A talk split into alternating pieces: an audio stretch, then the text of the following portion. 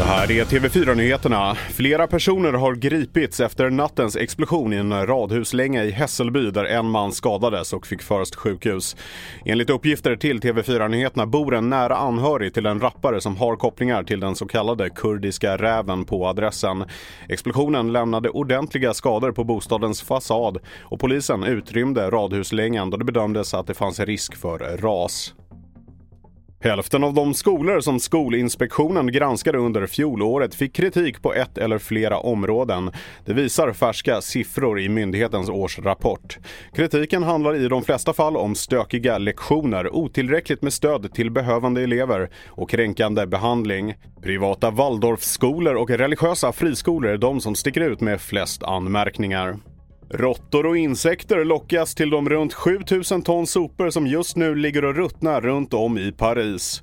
Sopbergen är en följd av huvudstadens soparbetare nu anslutit sig till protesterna mot den franska presidenten Emmanuel Macron och regeringens förslag om höjd pensionsålder.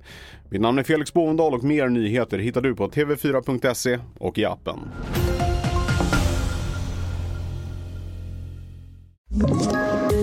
Poddtips från Podplay. I podden Något Kaiko garanterar östgötarna Brutti och jag, Davva, dig en stor dos skratt.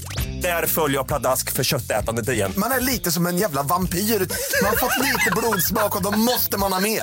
Udda spaningar, fängslande anekdoter och en och annan arg rant. Jag måste ha mitt kaffe på morgonen för annars är jag ingen trevlig människa. Då är du ingen trevlig människa, punkt. Något Kaiko, hör du på Podplay. Därför arkadeinerna.